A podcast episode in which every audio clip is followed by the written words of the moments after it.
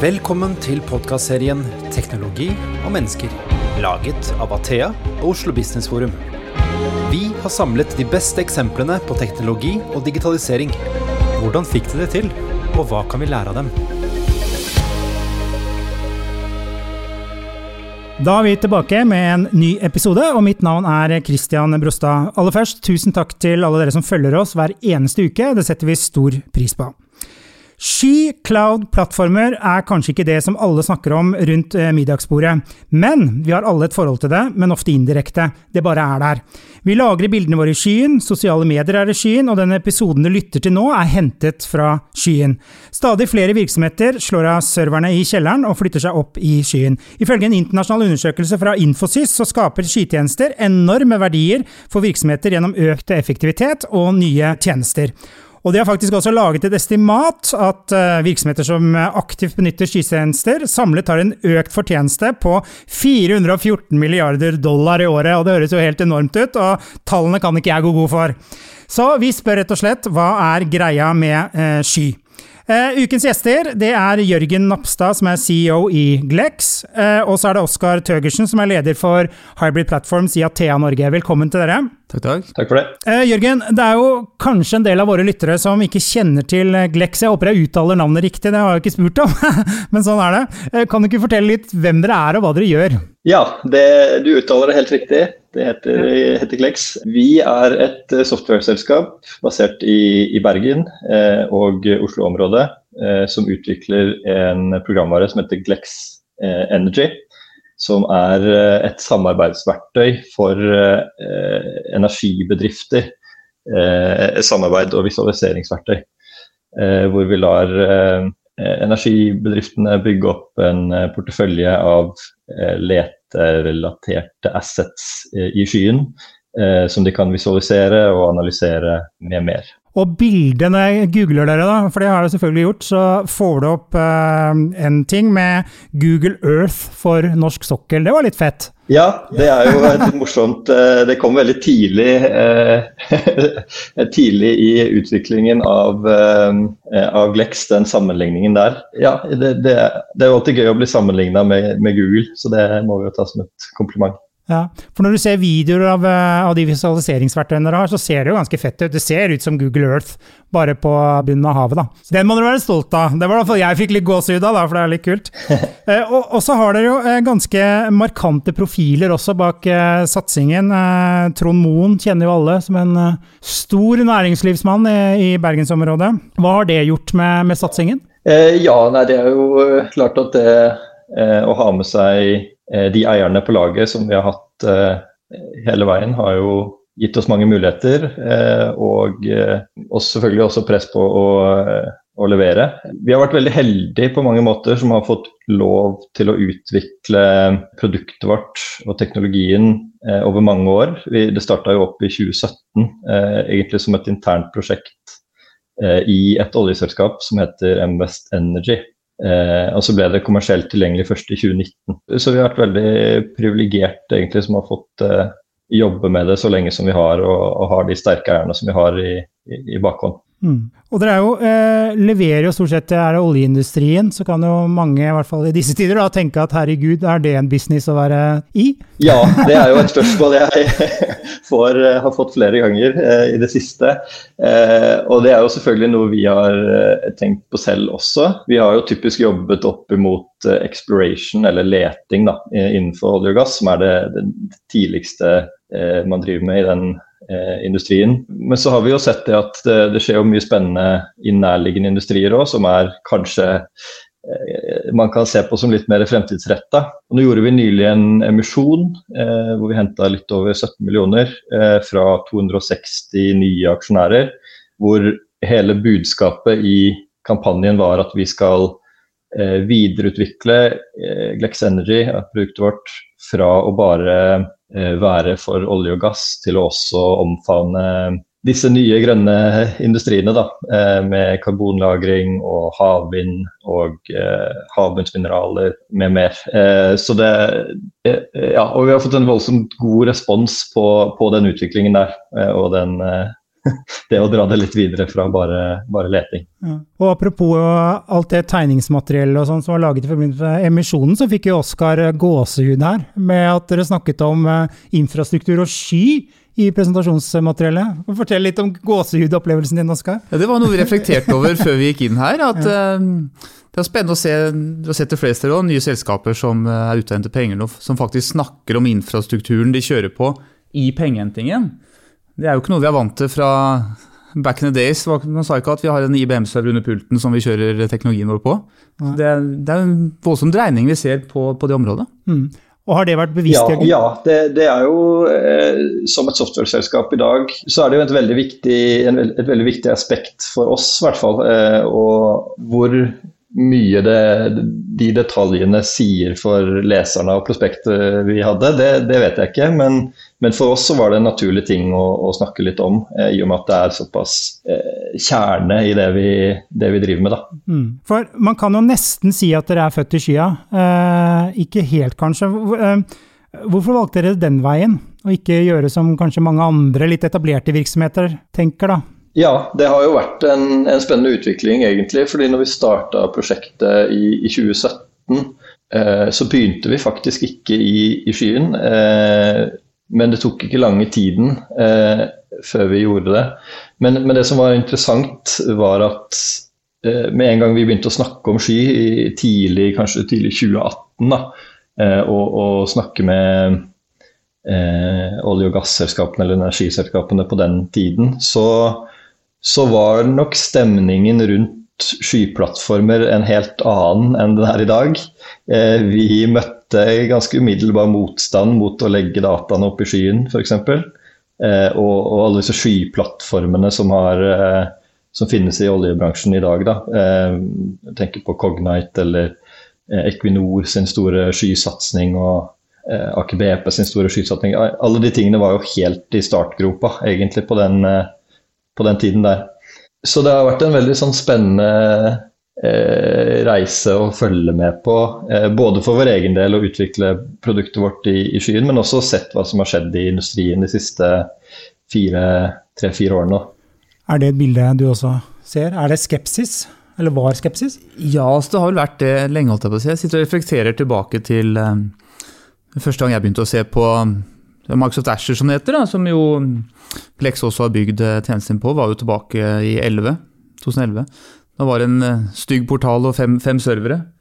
Eh, og den reisen det har tatt fram til nå, både på, i forhold til teknologi, men også modenhet hos kundene, har vært enorm. Da. Vi dro rundt og begynne med, Da jobbet jeg i Microsoft. da, vi dro rundt og begynne med og sa har du tenkt på å hente ut noen servere rundt her, så var jo De fleste gikk jo i lås. For de ønsket jo å kunne sitte og se selv hvor dataen var. Det var, det var skummelt, det var annerledes. Man var usikker rundt lover og regler. Dette med lysets hastighet, ikke minst. Altså, jeg flytter et annet sted, alt går tregt. Hvem eier dataene mine? Så når modning vi har sett der da, i de siste årene. På tvers, egentlig. Absolutt. Og nå, eh, og nå som leverandør så, så, er det jo mer eller mindre et krav. Sant? At man, eh, disse selskapene, i hvert fall de vi jobber mot, de, de kjører gjerne sin egen sky, eh, skyløsning. Og i hvert fall litt større selskaper krever jo at løsningene våre skal bli implementert på deres sky. Eh, det har gått fra å være en skepsis til å bli et krav, egentlig. Så det har vært en veldig interessant eh, utvikling. Og Det er et område som skaper en ny hverdag igjen, hvor man skal begynne å integrere skyer. ikke sant? Jeg vet ikke hvor mye vi tenker over det, men man har en sky her, man har en sky på den andre siden, og skal de plutselig snakke sammen? Det kan også skape en god del kompleksitet. Mange lurer på hvordan de skal løse det. Så de som løser den, de kommer godt ut av det. Ja, absolutt. Eh, Jørgen, jeg tenkte, Dere produserer jo enorme datamengder. for jeg tenker at det er masse datapunkter liksom for å klare å lage den visualiseringen dere gjør. da.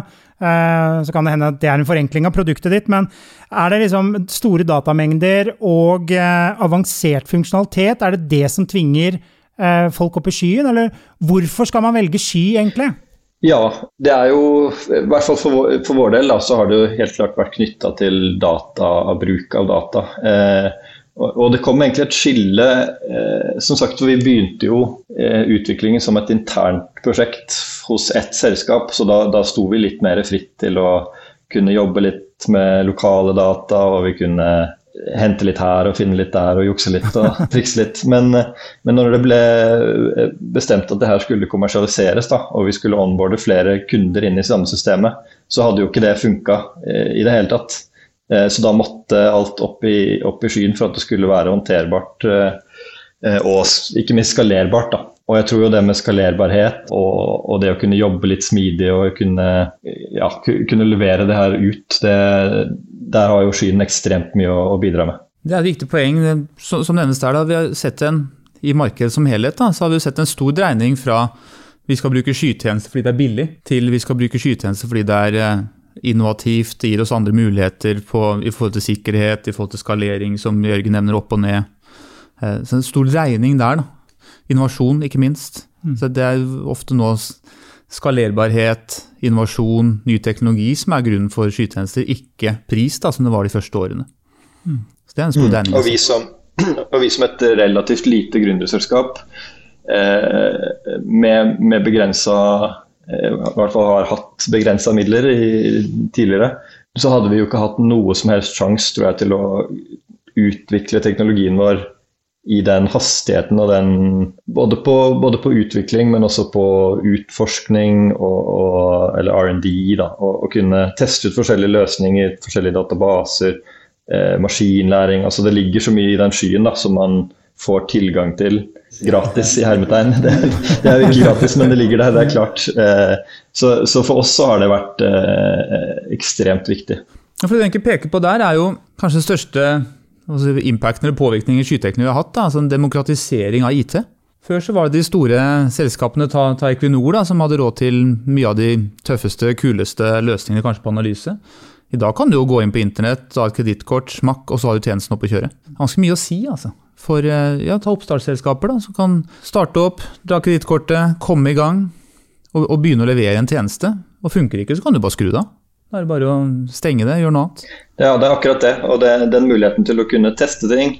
Veldig enkelt. Det tar deg tre klikk, så er du oppe og kjører. Så kan man se er det her noe vi skal satse videre på eller ikke. Gjøre en enkel test. Eh, og det, ja, den muligheten der er jo utrolig viktig og ikke minst utrolig gøy å, å jobbe med fra et teknologiperspektiv. Da. Ja, Drar du et, et takk lenger, så kan du også da, si du får en kunde i Sør-Afrika, da, så kan du også da med enkle klikk sette opp et datasenter i Sør-Afrika for å behandle en kunde i Sør-Afrika. Vi snakker jo her om globale nettverk av datasenter. ikke sant? Mm. Så ikke man kan komme nært, selv om man holder til i ja, ta Bergen da, med, med Glex. da. Så kan man da behandle en kunde i, i Sør-Amerika som om man var lokal i Sør-Amerika teknologisk. Så det er en så man, Med skyen så får man en, en sånn utviklingsavdeling, da. Som, altså du må antageligvis, Jørgen, så må du ha noen kompetente folk på, hos deg for å kunne håndtere dette. Og kompetanse er jo et stort issue i hele bransjen. Eh, hvordan har dere løst det? Det er det absolutt. Eh, det er jo mangel på utviklere om dagen. Det er vanskelig å, å, å få tak i utviklere. Vi, vi, er jo midt i en eh, oppskaleringsprosess selv, egentlig, hvor vi er, eh, holder på å rekruttere utviklere. Eh, og for oss som et lite selskap så har det vært viktig med eh, ja, som nevnt, det, det, det man får tilgjengeliggjort i skyen. Eh, men også i, i, tillegg til det å bygge, gode, bygge automatiserte prosesser og gode rutiner ved hjelp av igjen, som, som ligger som en del av Asher-plattformen i DevOps og sikkerhetsløsninger. Og, og, ja, og, og, støtte oss litt på det som, som ligger tilgjengelig der. I tillegg til å ha flinke folk, selvfølgelig. Og så er det jo én ting, for jeg har jo bakgrunn i finans, og jeg vet jo IT-gjelda i finanssektoren er jo, vokser jo eh, over alle hauger. Eh, er det lettere for deg, liksom, Jørgen, og ditt selskap å eh, ta i bruk dette? Nå ser vi jo, vi kunne jo lese i mediene nå siste tiden at DNB skal jo flytte nettbanken sin over i Amazon sin sky. Er det noen forskjell her, liksom? Er det, er det bedre å ha blanke ark og starte fra scratch, eller hvordan? For det er jo en del lyttere sikkert som jobber i virksomheter hvor, eh, hvor de liksom har eh, si, baken full av eh, IT-gjeld. Oskar, hva, hva ta, gjør de? Ta den på overliggeren. Det viser er jo at det er mange som har mye gjeld.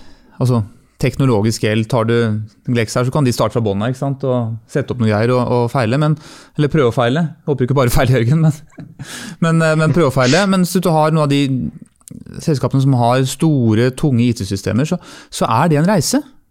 Det er tungt, ikke sant. Ser du, Mange av de begynner jo også da å bryte opp eh, de store, tunge applikasjonene i mindre applikasjoner. De flytter til skyen eh, bit for bit. da. Mm.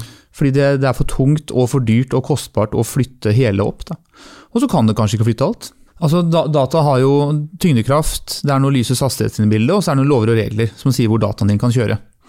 Som man må ta hensyn til da, i dette her. Og det er en, Noe kan man flytte ut eh, som det er, og noe må man gjøre noe med. da. Om det er å gå opp det juridiske, eller om det er å se på hvordan man eh, kan få det til å gå raskere, skrive om applikasjonen osv. Så, videre. så det er, en, det er en reise da, for, for de, de, som ikke er like lettbeinte som, som Jørgen og hans gjeng. Da. Mm. Er du glad for å jobbe i et lettbeint selskap da, Jørgen? Eh, veldig, ja. veldig glad for det. Jeg, eh, jeg kommer jo ikke fra noe sånn hardware-side av, av det, den, den, bransjen her, eller IT-industrien. da. Så for meg å begynne å tenke på å For det første det å håndtere servere, eller skulle håndtert noe av det hardwaren som ligger bak en, det man får i en skyløsning, det får jeg jo helt eh, vondt i hodet av. Og, og, også det med å, å, å, gjøre en såpass stor prosess med å, å ta et veldig etablert eh, on-prem-system opp i skyen. Da. Det er uh, det er nok en spennende reise, det òg, ja. Mm. Det er mange som har fått grått hår av det de siste årene. Er det? kommer noe push fra forretninger, ikke sant? nå må vi flytte opp. Ja. Og så sitter kanskje noen i andre enden og lurer veldig på hvordan de skal få dette til å gå til. tar du det sammen med kompetanse du akkurat beskriver, så, så, viser dette her at uh, det er utfordrende da, for de som sitter tungt i det fra før av. Mm. Vi ser jo til og med noen som bare velger å skrote deler og bygge helt på nytt. Fordi de ser de klarer ikke å flytte. Kanskje de flytter dataen, da. Men de bytter altså applikasjoner. Det er vel også sikkert grunnen til at man også i, i finans eller altså utfordrer bankene, da, f.eks. At de, de, har jo kommet, eller de har jo blitt populære og de har jo kommet eh, raskt opp. Eh, sikkert mye i stor grad for at de har vært mye mer modne digitalt. At De har hatt bedre mobilbanker og de har hatt bedre Eh, nettløsninger og eh, API-er fra dag én, og, og, de tingene som er mer og mer eh, viktige for forbrukerne. Da. Nå virker det jo som kanskje de store etablerte DNB osv. begynner å ta litt igjen, men, men, ja, det ligger jo helt klart noe der. Du treffer jo midtånd, ikke? Det er jo, det er jo si, brukeren til slutt som bestemmer da, hva de velger å bruke når du tar, tar bankvesenet her. Da. Så man har jo da et ønske om, om moderne løsninger som er raske, kanskje med ny funksjonalitet fort også noen kjennetegn for skytjenester. At man kan legge på tjenester eh, fort, og eventuelt ta det bort igjen, da, som gjør det hvis det ikke virker. Med at man bryter opp disse tyngre applikasjonene og flytter ut én igjen. Som er lettere å legge på og ta bort. Eh, hvis det er mulig liksom å gi noen råd til de som eh, lytter på, da, som liksom vurderer dette, hva er, som, det er det viktigste å gjøre her, Oskar? Nei, altså Det er jo først å få kontroll på hva du har for noe. Hvor er vi, hva er det vi har for noe? Så må man tenke på hvor man skal. da. Det handler om å lage en plan. altså hvis man en delen kan jo være vi ønsker å gå til Veldig mange selskaper som kontakter oss, da, sier vi, vi skal bruke skytjenester. Ja, Fint og flott det, men hvorfor skal du det? Det er kanskje steg én. ikke sant? Hvorfor skal vi gjøre det, og hva er det vi ønsker å oppnå? Og så må man gå gjennom eh, miljøene og få lage seg en god strategi på det. Før man begynner å gjøre noe mer. Jeg pleier å fleipe litt med det. Jeg har jo holdt på med, med skytjenester på leverandørsiden i ja, veldig mange år. Altså, jeg har egentlig aldri jobba med noe annet. Du ser ikke så gammel ut. nei, nei, jeg har holdt på et par år, da. Eh, og der jeg pleier å si at det er eh, Vi kan gå ganske langt tørrskodd på en del mislykka prosjekter hvor man har starta ut en plan. Så det aller viktigste er å ha en plan for hvor man skal. Mm. Kan man ikke ja, Jørgen nevnte i stad, du kan gå inn, ta ut hva du vil av tjenester. Ja, Det er bra, det, men det er ikke alltid det er lurt heller. Hvis du spinner opp en eh, Oracle-server som koster 50 000 om dagen, så er det greit å ha kontroll på den og at du skal bruke den, kontra ikke bruke den. Så stiller jo en del krav til eh, brukerne.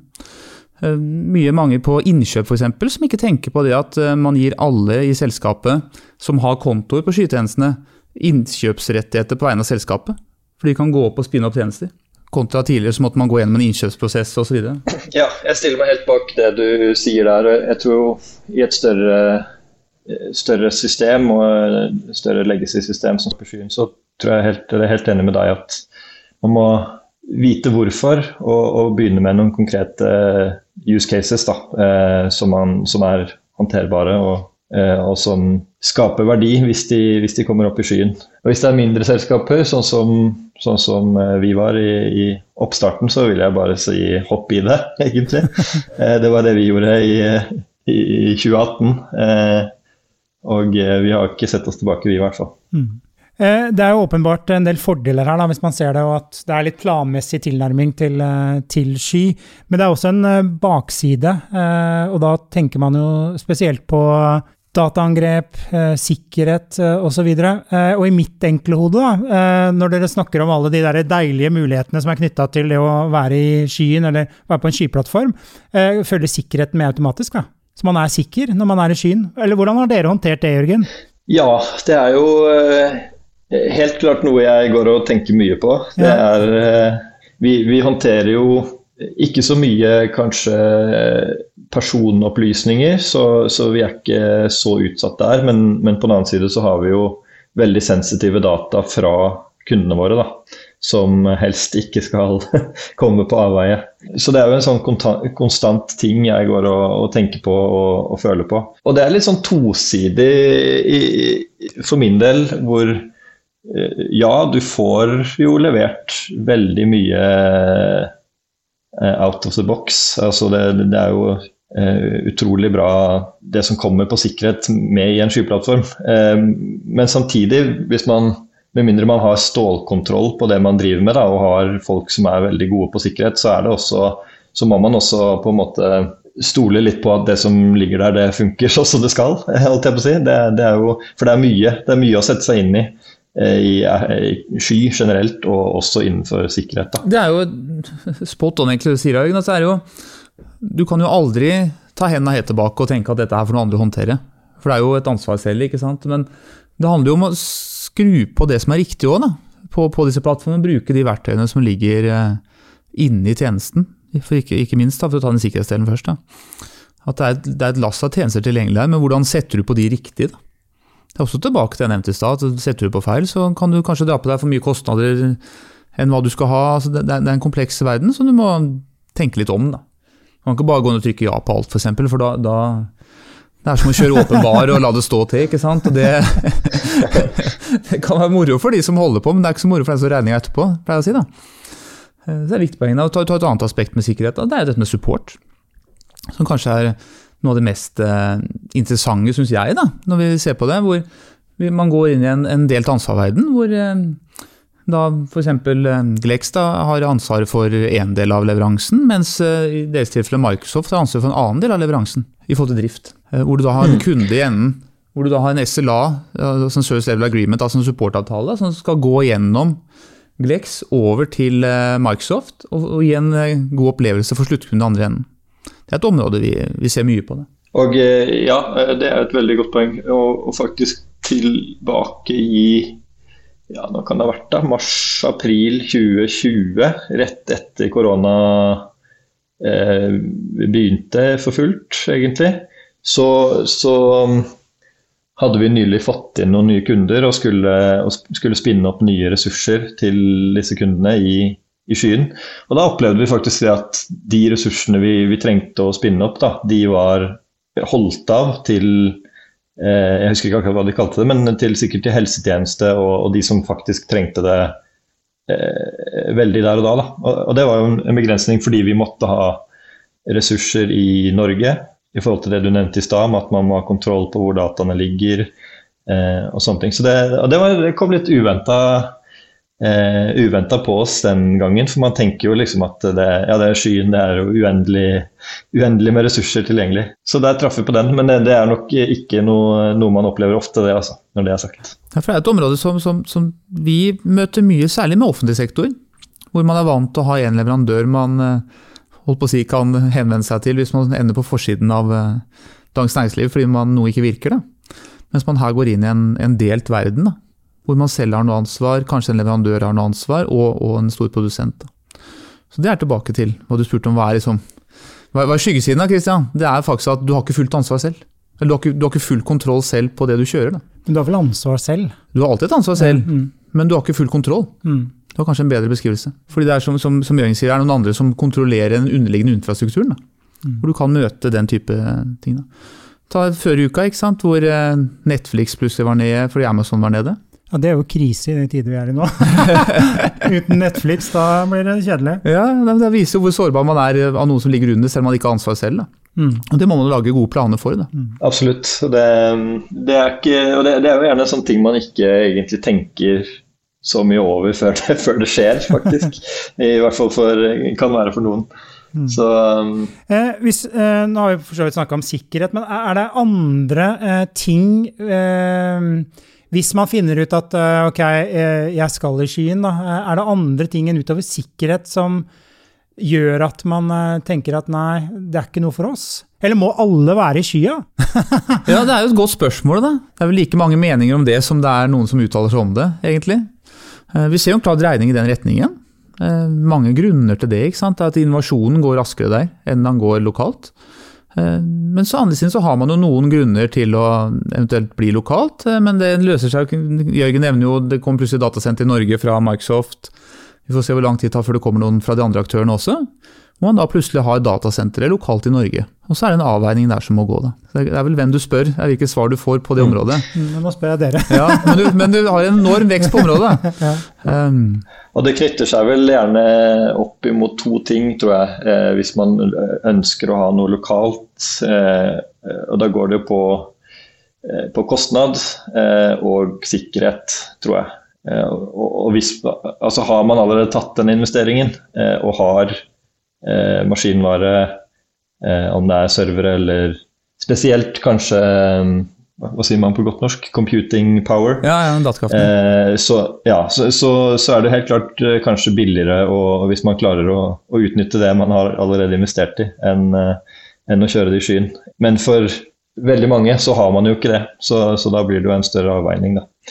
Men, eh, men litt tilbake til det du, du var inne på, Oskar, med, med, kostnader og det der å, at brukerne kan starte ting selv. Eh, vi har jo jobbet en del med maskinlæring eh, i, i, skyen, og der er jo det eh, ekstremt relevant. For der, eh, det er jo et av de områdene hvor kostnadene fort mm. kan løpe, løpe av gårde veldig. Da. Så ja, det er viktig å holde tunga rett i munnen, og det er viktig å vite hva man driver med rundt, rundt det. Ja, det er komplekst, altså. det er, eh, og det blir mer og mer komplekst etter hvert som man får på plass eh, flere og flere tjenester. For tjenesteaspektet øker jo markant. ikke sant? Og man, for det første må man holde tritt med hva det er for noe, men så må man også forstå hva det koster. Og så er det kostnadsforskjell mellom forskjellige regioner i forhold til hvor datasenteret ligger. Så kostnadsmatisen her er, er kompleks. Da. Så man må passe på å forstå den. Da. Men tilbake til andre spørsmål, Kristian. Altså den eh, lokalt skydiskusjonen, og du har et aspekt til i til Jørgen nevnte, som er, viser en del. da. Vi ser en del i markedet, og det er dette med, med lysets hastighet, altså internett. da dette med scenarioer hvor man, ikke, man er avhengig f.eks. av å være nære fabrikker. Altså, man trenger datakraften så tett som mulig på, um, på, en, på, en, maskin. Hvor man ikke kan gå til et datasenter og tilbake, for det tar faktisk noen millisekunder. Da. Eh, er jo scenarioer vi virkelig ser mulighetene der, da, hvor man kan eh, operere lokalt, men koble på, på skyen for å gjøre f.eks. som Jørgen nevner, dataprosessering, analyse osv. Og, så videre, og da dra ned igjen for eh, å faktisk utføre, da, når, når det er en begrensning. Altså Hvis det ikke er en begrensning på tid, så er jo, er jo det et annet element. Men, men, i de scenarioene da, da blir verden enda mer kompleks. Da, for da får du plutselig noe lokal data, et lokalt datarom å ta vare på som du må håndtere, pluss at du må håndtere sky. og Da får du flere usikkerhetsmomenter. Så det er noe man må lage en plan på. da. Så ikke du plutselig sitter her og så går et eller annet ned, og så veit du hvor det har gått ned. og så sitter du og det er nesten sånn skremselspodkast. Jeg sier det er kompleks, liksom. Men det er jo, altså, dere i Glex har jo fått det til. Så det kan jo ikke Ja. Det høres ja, veldig trøblete ut, da. Nei, men det, er, det er veldig mange som får det til, men du må ha tunga rett i munnen. Ja. Og det er også et viktig poeng her, da. Det er ikke noe tvil om at man får Absolutt, til, for jo, ja. vi ser jo det på, på tallene, at det er der veksten går. Absolutt, ja. Det er jo, og man får jo mye hjelp òg. Det er jo god, uh, mye godt opplæringsmateriale, og, og Microsoft for eksempel, som vi jobber med, da, er jo veldig på på partnerprogrammer og opplæring. Så, og jeg for min del er veldig glad at jeg slipper å, som sagt, å, å håndtere et datarom eller noe hardware som står og durer et sted. Ja. Du bør ikke lenger til å se på strømprisene for tida, så er du glad du ikke har datasenter. ja, Vi har tatt den ballen nå, men det er, det er et um, essensielt poeng. da, Du sier det er bare skremselspropaganda. Uh, nei, men det er viktig å ha tunga rett i munnen. Det er et stort skifte, og man må, må, gjøre det riktig. Hvis ikke man kan starte direkte, men man må uansett vise hva man gjør da òg. Mm. Og så er, viser jo det at en annen grunn til at selskaper tar i bruk skytjenester, er jo sikkerhet. Så lenge man er enig i hvor dataen kan ligge osv. Så, videre, så er det jo en del tilfeller det er bedre å la en profesjonell aktør drifte et datarom, enn at man har to personer selv som må gå på rundgang for å drifte det datarommet. Det er også en ting å tenke på, da, som Jørgen sier, han slipper å tenke på det. Eh, vi nærmer oss slutten her, men uh, Jørgen, uh, hvis du med, med, din bakgrunn og dine perspektiver kunne si noe om uh, hva Hvordan går denne verden her, hvis du skulle gi noen sånn tips på, på, det. Hva er det neste her, med skyplattformer osv.? Oi, ja det er et vanskelig eh, spørsmål. Um, Vi kan gi ut en whitepaper basert på svaret nå.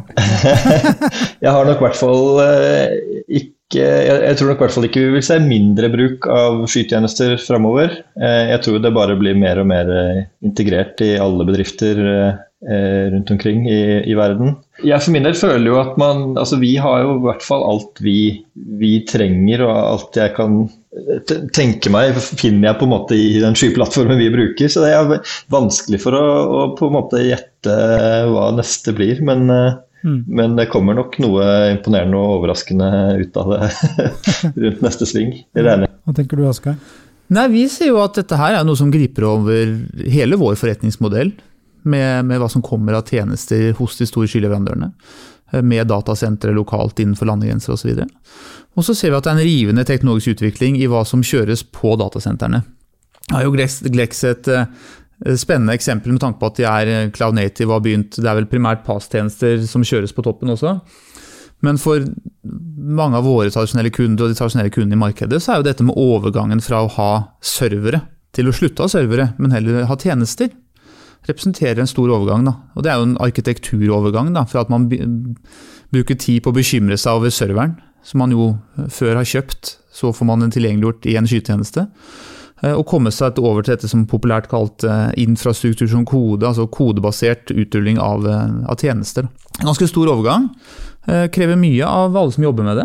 det en, alle som da har jobbet med servere, må jo passe på at de lærer seg det, det nye i Gåstein, den, den, teknologien, slik at vi, vi, vi har nok eh, kompetanse da, til å være med på det teknologiskiftet i Norge. Da. For Vi vet om mange skyprosjekter som stopper fordi at man ikke får tak i kompetanse. Fordi det er såpass stor etterspørsel. Nydelig. Da skal vi gå over til vår faste spalte. Digitale vaner. Bli kjent med gjestene ved å snoke deres digitale liv. Hva gjør de egentlig på nettet? Hvilke favorittapper har de? Er det streaming eller linær-TV som gjelder? TikTok eller Snapchat? Vi spør i Teknologi og mennesker.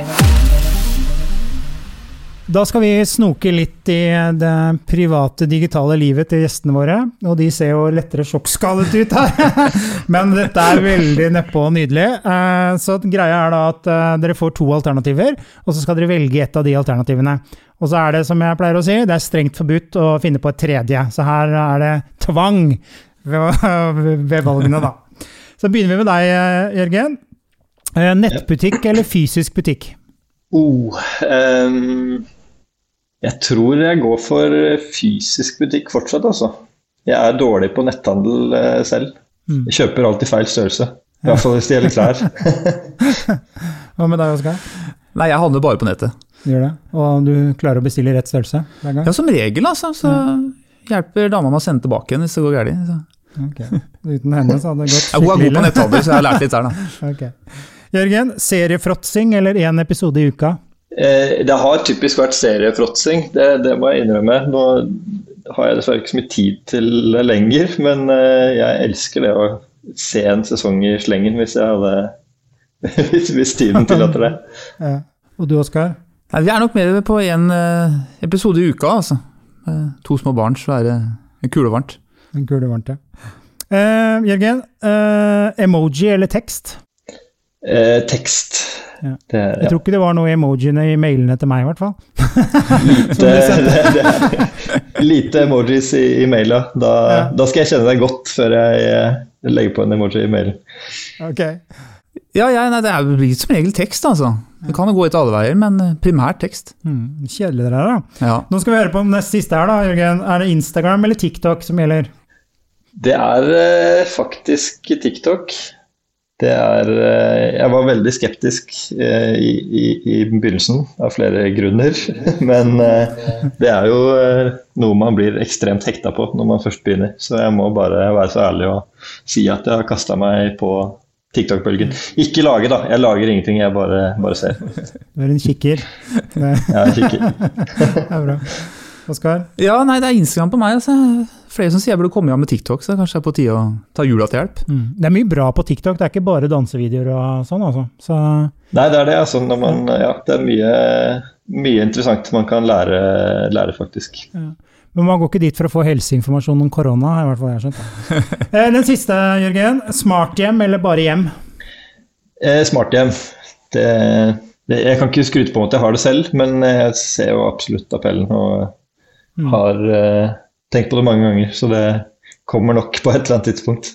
Ja. Oskar, du har jo nylig flytta, jeg regner med at det er et smart hjem? Ja, i hvert fall lefra litt med det. Bygget fra 82, men jeg har satt inn en del sånn uh, smarte dingser osv. Så, så det er jo et problem hver gang mine foreldre er på besøk, og sånn, for de får ikke skrudd på lyset. De så du har noen fordeler og ulemper. Ja, du må jo ha app, ikke sant? og så har kanskje ikke de installert appen, og så sitter de der, da.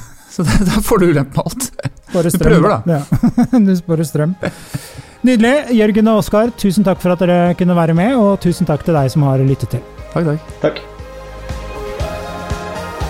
Du har nå lyttet til Teknologi og mennesker, laget av Athea og Oslo Business Forum. Liker du podkasten, setter vi stor pris på om du gir oss noen stjerner. Og tips gjerne en venn om podkasten.